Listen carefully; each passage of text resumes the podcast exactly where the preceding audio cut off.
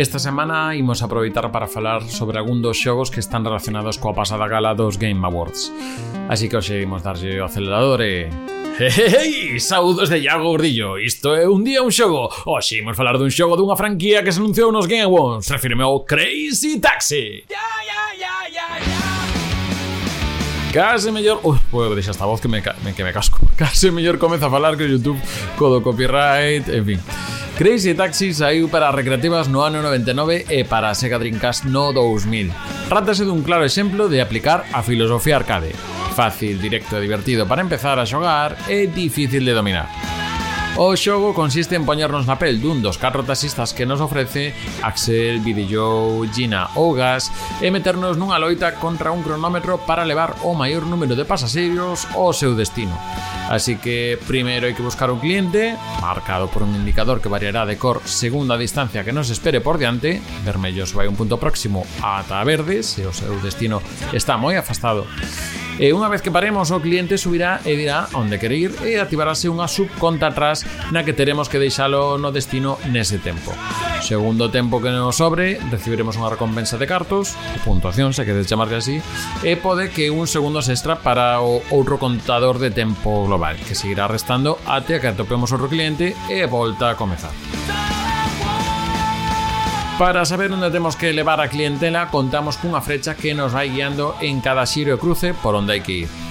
Si sí, é certo que en espazos moi abertos pode terlear un pouco, pero polo xeral funciona moi ben e cumpre a súa función mentre imos memorizando a cidade. Unha especie de San Francisco así moi tola, coas súas baixadas pronunciadas, zona de praia, hai un estadio de béisbol, vimos tamén polo centro da cidade... É moi completiña e a súa vez eh, ten certa linealidade, xa que acaba sendo como unha especie de circuito con pequenas ramificacións e variantes.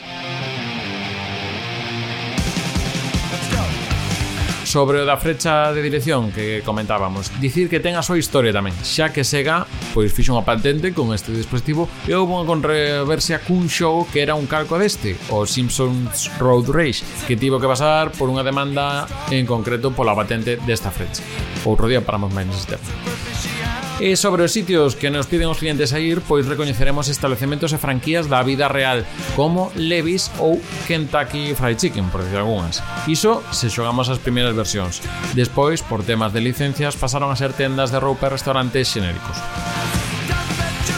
E a cuestión de licencias tamén nos leva ao tema da música, que é un dos casos máis claros de canto importa a música nun xogo, xa que nas versións máis recentes, que podemos atopar, por exemplo, na sétima xeración, PlayStation 3, Xbox 360 ou para ordenadores, pois temos unha música distinta a que contábamos no xogo original que corría con temas de The Offspring e Bad Religion temarracos marracos moi, moi, moi rápidos que acompañaban a perfección a tolemia da acción que temos no xogo, xa que hai outra serie de mecánicas, das que aínda non falamos, como son os turbos de derrapes que son executados facendo combinacións co acelerador, freo e cambio de marcha e que é aí cando dominamos isto, cando as carreiras pegan un chimpo de velocidade e divertido caos nos que nos levamos mobiliario urbano e no que os clientes disfrutarán pegando berros e celebrando as nosas maniobras máis arriscadas. Tamén con beneficio para os puntos, ou seja, o cartiño.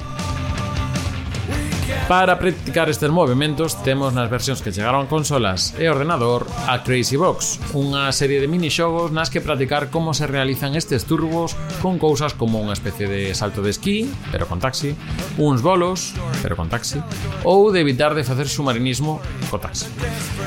Probas que poden dar horas para superar e que logo nos darán unha soltura no modo principal que en consolas tamén chegou cun segundo mapa, máis aberto que o primeiro e que é un pouco máis caótico e difícil de aprender pero é unha cousa que axuda a alongar a vida da versión de consola. Onde o verdadeiro pique está en facer a mellor recadación barra puntuación, cousa que se bota en falta nas versións máis recentes, unha especie de puntuación online do xogo, a verdade, que é unha maneira de, de alongar a vida do xogo dunha maneira relativamente sinxela. E isto espero que sexa unha cousa que inclúan no novo Crazy Taxi anunciado nos Game Awards que, aínda que de momento está nunha fase moi prematura, sí que podemos ver a algún dos taxistas do primeiro xogos e tamén que a cidade que aparecía era o mapa do arcade deste primeiro Crazy Taxi.